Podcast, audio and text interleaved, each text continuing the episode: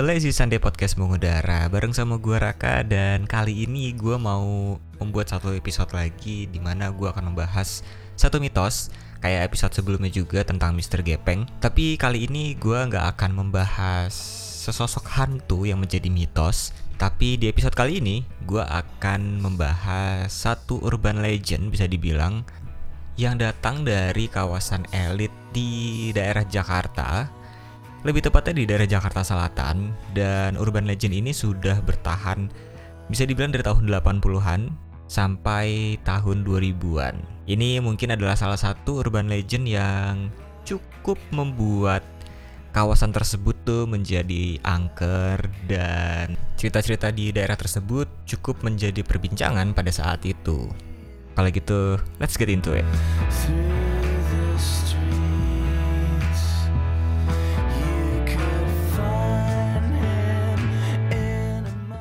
Oke, episode kali ini gue akan membahas sebuah mitos atau urban legend tentang rumah pondok indah. Pasti di antara kalian ya udah pasti tahu lah ya namanya rumah pondok indah ini menjadi sebuah mitos, menjadi sebuah urban legend di mana rumah ini menjadi salah satu rumah terangker di Indonesia. Kenapa bisa menjadi angker? Desas-desusnya, background story dari rumah pondok indah ini bermula di tahun 1983 di mana katanya dulu rumah ini dihuni oleh seorang yang berkeluarga negaraan asing dan dihuni oleh tujuh anggota keluarga termasuk dengan pembantunya. Namun pada satu malam, satu malam yang naas, satu keluarga ini dibunuh oleh sekelompok perampok dan semua penghuni rumah tersebut mati dibantai. Jadi mulai dari situ terdengar nih rumor-rumor tentang keangkeran rumah pondok indah ini.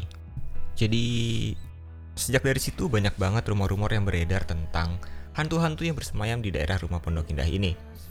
Ada yang bilang katanya hantu kakek tua, terus juga ada yang bilang katanya hantu cewek berbaju putih yang sering banget ngeganggu masyarakat yang lagi lewat di depan rumah pondok indah ini. Karena rumah Pondok Indah ini kan lokasinya cukup strategis ya. Ada di pinggiran jalan besar Pondok Indah gitu. Jadi pasti kan menjadi lalu lalang banyak banget warga di sekitar situ maupun warga di luar daerah Pondok Indah. Jadi memang menurut kesaksian banyak orang katanya banyak dari mereka yang melihat ada kakek-kakek tua dan juga hantu cewek berbaju putih yang katanya kerap memanggil mereka untuk masuk ke dalam rumah tersebut. Dari sekian banyak cerita atau mitos tentang rumah pondok indah, ada salah satu cerita yang cukup menggemparkan di lingkungan daerah tersebut dan juga menggemparkan hampir seluruh masyarakat Indonesia. Yaitu tentang menghilangnya seorang penjual nasi goreng di depan rumah pondok indah tersebut. Jadi katanya ada seorang pedagang nasi goreng yang sedang lewat di depan rumah pondok indah tersebut Terus katanya ada seseorang yang memanggil untuk memesan nasi goreng di dalam rumah tersebut. Dan sampai sekarang katanya rumor yang beredar tukang nasi goreng itu nggak pernah kembali setelah mengantarkan nasi goreng tersebut ke dalam rumah Pondok Indah.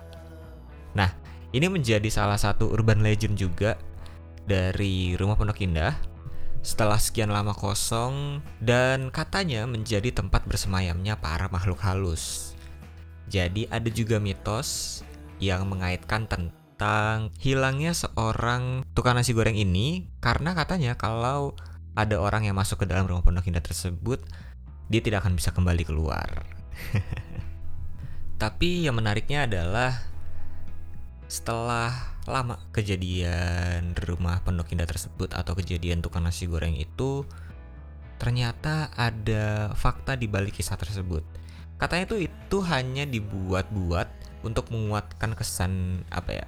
Hmm, kesan angkernya rumah pondok indah tersebut.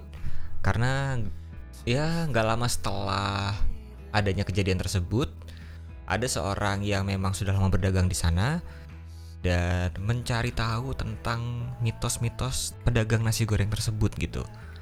Dan ternyata setelah ditelusuri nggak ada seorang pun pedagang yang hilang di daerah Pondok Indah. Tapi memang yang namanya rumah udah lama kosong, rumah yang uh, dibilang angker gitu, akhirnya mengundang banyak paranormal nih. Jadi itu dulu gue pernah nonton salah satu acara di salah satu stasiun TV yang me, apa ya mengundang paranormal dan menguak misteri-misteri yang ada di satu tempat yang katanya dibilang angker. Dan salah satunya adalah Rumah Pondok Indah. Katanya tuh ada banyak banget nih setan-setan di sana, terus juga katanya ada setan-setan asing dan juga ada setan-setan uh, keluarga gitu yang katanya belum bisa pergi ke alam sana. well, kayak yang udah pernah gue bilang, gue tuh nggak terlalu percaya sama hal-hal seperti itu. Gue tidak percaya dengan yang namanya pocong, kuntilanak atau yang lainnya itu. Dan gue tuh cukup agak ragu sama yang namanya anak indigo karena ya hal kayak gitu bisa didebatkan lah karena kan katanya kalau melihat hal-hal kayak gitu nggak bisa dibuktikan kalau cuma dia doang yang melihat gitu. Sedangkan anak-anak indigo mostly ya cuma melihat dari mata kepalanya sendiri dan nggak bisa dibuktikan. Ya pokoknya intinya gitulah. Setelah beberapa lama gitu setelah kejadian acara tersebut, uh, stasiun TV lain itu datang ke rumah Pondok Indah dan melakukan investigasi serupa. Dan hasilnya beberapa ada yang bilang setannya itu berbeda. Jadi gue kadang-kadang tuh suka wondering gitu. Kalau misalnya anak indigo satu dan yang satu lagi itu ngobrol di satu tempat yang katanya dibilang angker, apakah setan yang mereka lihat itu akan sama atau berbeda? Kalau misalnya sama, ya mungkin ada chance kalau itu memang benar terjadi dan benar-benar ada gitu. Tapi kalau berbeda, hmm, kayaknya sih cukup meragukan ya. Gue cukup meragukan dengan eksistensi seorang anak indigo. But well, ya lu boleh percaya atau enggak, tapi stand gue sih gue tetap tidak percaya dengan setan dan juga anak indigo. Balik lagi ke rumah Pondok Indah, akhirnya karena memang rumahnya dengan background story yang cukup menyedihkan dan cukup menyeramkan bagi beberapa orang, rumah tersebut lama kosong dan dicoba untuk disewakan bahkan dijual dengan harga yang murah.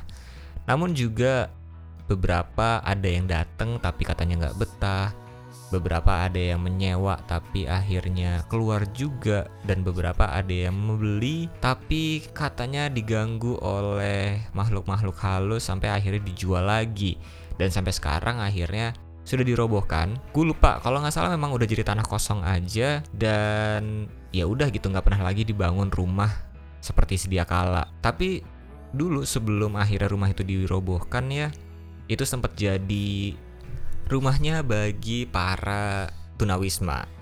Dan ada salah satu teori yang membuat gue cukup yakin kenapa banyak banget cerita-cerita mistis yang beredar dan membuat masyarakat itu takut untuk deket-deket ke rumah Pondok Indah. Karena katanya setelah rumah itu menjadi angker dan ditinggalkan banyak orang dan banyak orang yang tidak berani datang ke sana, Akhirnya rumah itu menjadi sarangnya para perampok untuk berkumpul dan juga menjadi tempat penyimpanan hasil rampokan mereka.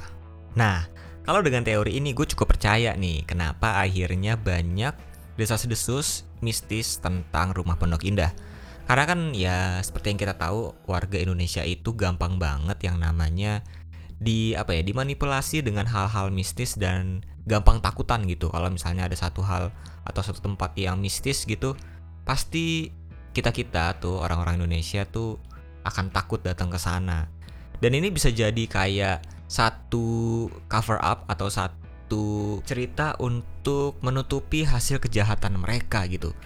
Karena kan kalau misalnya dibilang rumah ini angker nggak banyak orang yang deket-deket nggak banyak orang yang ngeliat-liat jadi mereka si para perampok ini aman untuk menjadikan rumah tersebut sebagai base camp dan tempat penyimpanan hasil rampokan mereka. Tapi ya menurut gue kalau misalnya gue jadi orang kaya pada saat itu ya dan dijual murah dengan lu kalau lihat dulu rumahnya semegah apa tuh itu gede banget. Dan kalau dijual dengan harga yang murah gue sih kayaknya akan ambil ya. Karena gue kan nggak percaya sama setan ya.